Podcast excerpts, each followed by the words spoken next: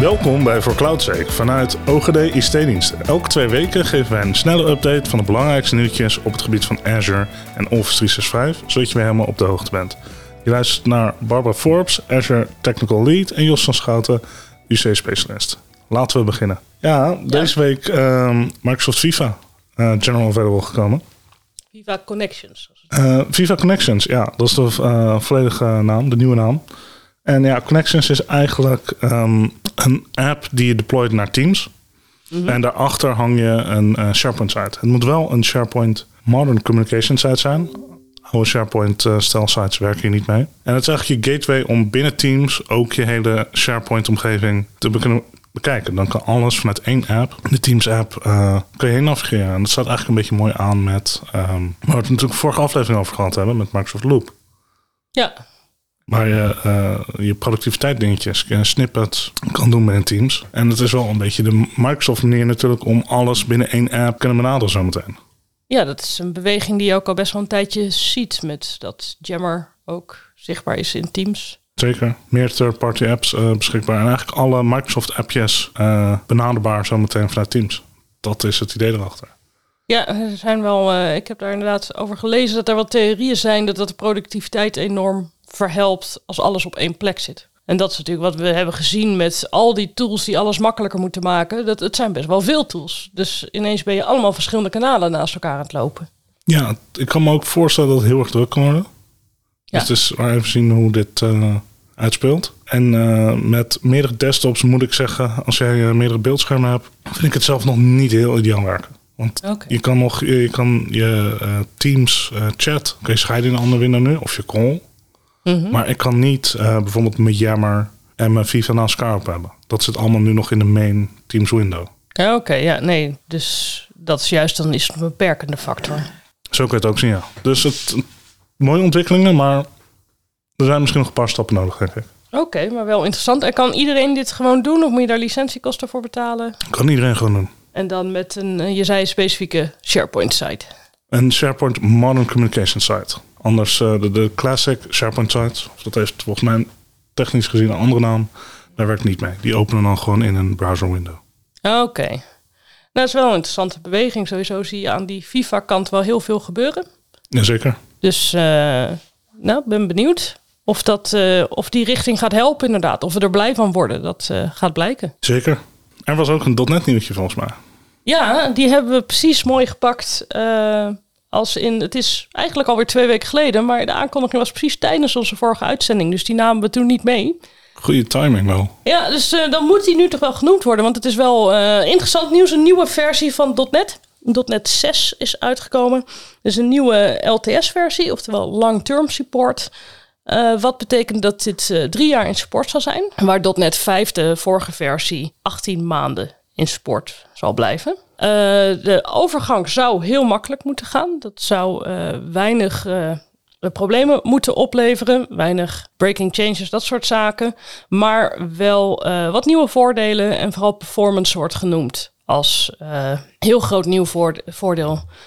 Alles gaat wat sneller. Uh, en je hebt wat leuke foefjes waar gewoon de code schrijven net wat makkelijker door wordt. Uh, dingen als implicit using, waar je kan instellen dat using uh, in je configuratiefile staat. En dat je het dus niet in je code hoeft op te nemen. Zaken als dat. dat is handig, ja. Ja, die maken het gewoon allemaal net even wat makkelijker. En wat ik heel leuk vond om te zien, was dat onmiddellijk alle Azure services het supporten. Dus Azure Web Apps, uh, Azure Static Web Apps en Azure Functions. Ze hebben onmiddellijk uh, nieuwe versies uitgerold, zodat ze direct support hebben voor .NET 6. Oh, dat is heel fijn. Ja, uh, PowerShell kwam ook onmiddellijk met een nieuwe versie uit, die ook direct erop draaide. Dus um, het is leuk om te zien dat je niet zit met zo'n update window van oké, okay, er is iets nieuws en wanneer hebben we support. Nee, het was er allemaal direct. Ja, of het werkt wel hier, maar nog niet met PowerShell. Of nog niet in, in het andere ja. Dat is heel fijn, ja, zeker. Precies, dus dat is wel echt een uh, verbetering, samenwerking van de teams die je daarin ziet. Dus uh, leuk spul om gelijk mee aan de gang te gaan en zo snel mogelijk al je .NET 5 apps over te zetten. En dan is er natuurlijk ook nog een nieuwtje op het gebied van Microsoft Managed Desktop. Dat bestond al. Mm -hmm. En dat is eigenlijk renamed naar Microsoft Managed Desktop Plan 2. En plan 1 is het nieuwtje, dat is ertussen geschoven. Oké, okay, en wat doet Managed Desktop?